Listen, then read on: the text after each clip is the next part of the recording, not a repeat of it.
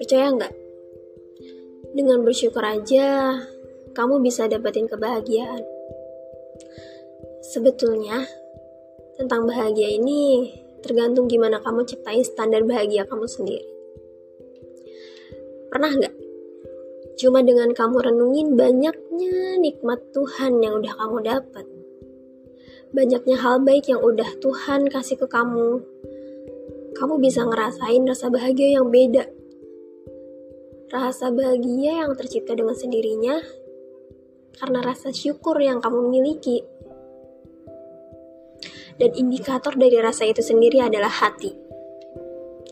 Saat kamu mampu mengontrol hati kamu untuk bersyukur atas segala hal yang udah kamu miliki, kamu akan merasakan rasa bahagia yang gak bisa kamu jelasin sama sekali. Rasa rasa bahagia yang tidak memerlukan materi untuk menghadirkannya. Rasa bahagia yang muncul hanya karena kamu bersyukur atas segala hal baik yang sudah kamu miliki. 2020 Maret tanggal 3 dan Delian Snow